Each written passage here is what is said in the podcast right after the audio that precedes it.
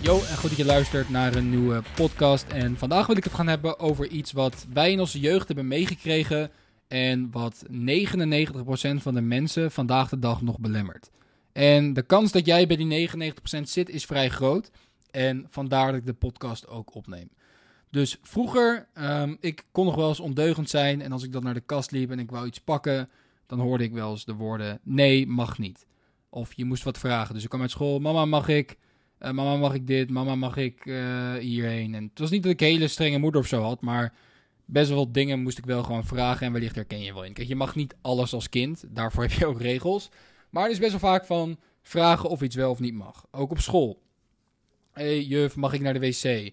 Of hey, mag ik dit? Of hey, mag ik daar zitten? Of hey, um, weet je, het is best wel veel toestemming voor bepaalde dingen vragen. Of stel je voor, jij uh, zit in de bioscoop en er is bijvoorbeeld uh, een plek ervoor vrij. En er staat iemand van de bioscoop naast je en zegt: hey, zou ik ook daar mogen zitten? Ik, noem maar even wat, ja.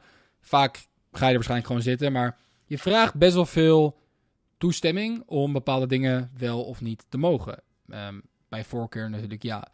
En wat heel weinig mensen beseffen is dat dat jou eigenlijk heel erg belemmert in je groei. Dat belemmert jou eigenlijk heel erg in de dingen doen die je eigenlijk stiekem wil doen. Want ik weet zeker dat als jij naar deze Thomas van der Lek podcast luistert, dat jij dromen hebt die anders zijn dan de mensen om jou heen. Klopt dat? Klopt dat jij bepaalde doelen en dromen hebt die niet gemiddeld zijn? Als je gaat kijken naar de gemiddelde Nederlander, die heeft niet zulke grote doelen en dromen als dat jij dat hebt. Jij hebt iets bijzonders. Je luistert naar deze podcast en jij. Je bent, niet, je, bent niet, je bent niet egoïstisch of zo, maar je bent wel. Je voelt aan jezelf dat jij iets bijzonders hebt. Dat jij op een andere manier denkt dan de meeste mensen uit je omgeving, dorpje of stadje. Klopt dat? En dat is alleen maar heel goed, weet je. Als we allemaal hetzelfde zouden zijn, wat zouden we daaraan hebben? Alleen, wat wij dus vaak doen, is wij willen iets gaan doen. Wij willen een business starten. Wij willen de wereld rondreizen. Wij willen uit huis. Wij willen um, het uitmaken met onze partner. Want dan voelen, ja, dat ligt gewoon niet meer in lijn met, met wat ik wil doen. Je wil ergens instappen. Je wil ergens gaan investeren. Je wil uh, op reis gaan. Je wil verhuizen naar het buitenland. Je wil wat dan ook doen. Ja, je wil starten met die business. Je wil. Um, geen idee wat je, wat je ook wil doen. Ja, je hebt grote dromen en je wil weer stappen gaan maken. Maar omdat wij onze hele jeugd dingen moesten vragen en het antwoord dan ja en nee is, doen we dat nu nog steeds. Dus wat bedoel ik hiermee? Wij zijn veel te vaak op zoek naar de bevestiging van andere mensen of we iets wel of niet moeten doen. Dus wij willen een business starten en we weten eigenlijk heel diep van binnen dat we het moeten doen. Maar toch ga je een soort van bevestiging vragen aan mensen om je heen. En vaak zijn dat helemaal niet de mensen die al een succesvolle business hebben, maar gewoon bijvoorbeeld, ik noem maar wat, je ouders of je beste vriend of wat dan ook. En dan ga je aan hun vragen, is het een goed idee? Ja, natuurlijk zeggen ze nee, want ze zitten vast in het systeem.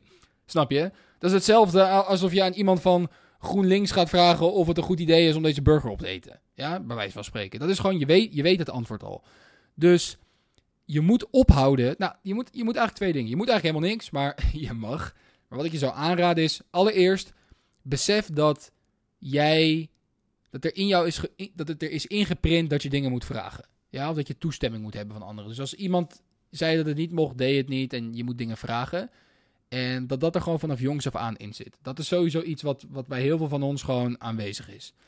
Dan een tweede is dat hoe vaak je eigenlijk op bevestigingen van anderen wacht.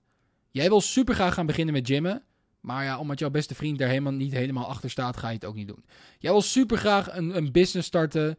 Maar ja, omdat um, iemand in jouw omgeving dat geen goed idee vindt, ga je het niet doen. Of jij wil super graag de wereld rondreizen. Of je wil super graag een tussenjaar nemen van school. Of je wil super graag stoppen bij je baan. Of je wil super graag parttime gaan werken omdat je aan je business kan werken. Maar je bent altijd op zoek naar een bevestiging van iemand anders.